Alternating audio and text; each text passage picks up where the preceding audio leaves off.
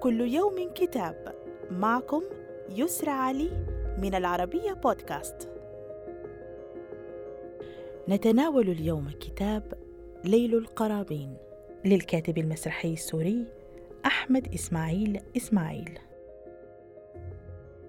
يضم الكتاب ستة نصوص مسرحية قصيرة تعالج جميعها موضوعات رئيسة سابقة على الزلزال السوري ولاحقة له كالقهر والسجن والثورة والحرب والهجرة.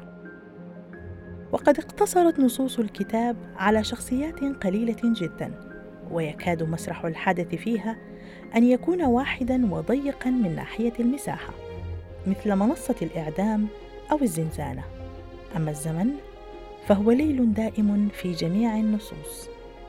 زمن يكاد لا يمر إلا بعد أن يسحق أرواح هذه القرابين.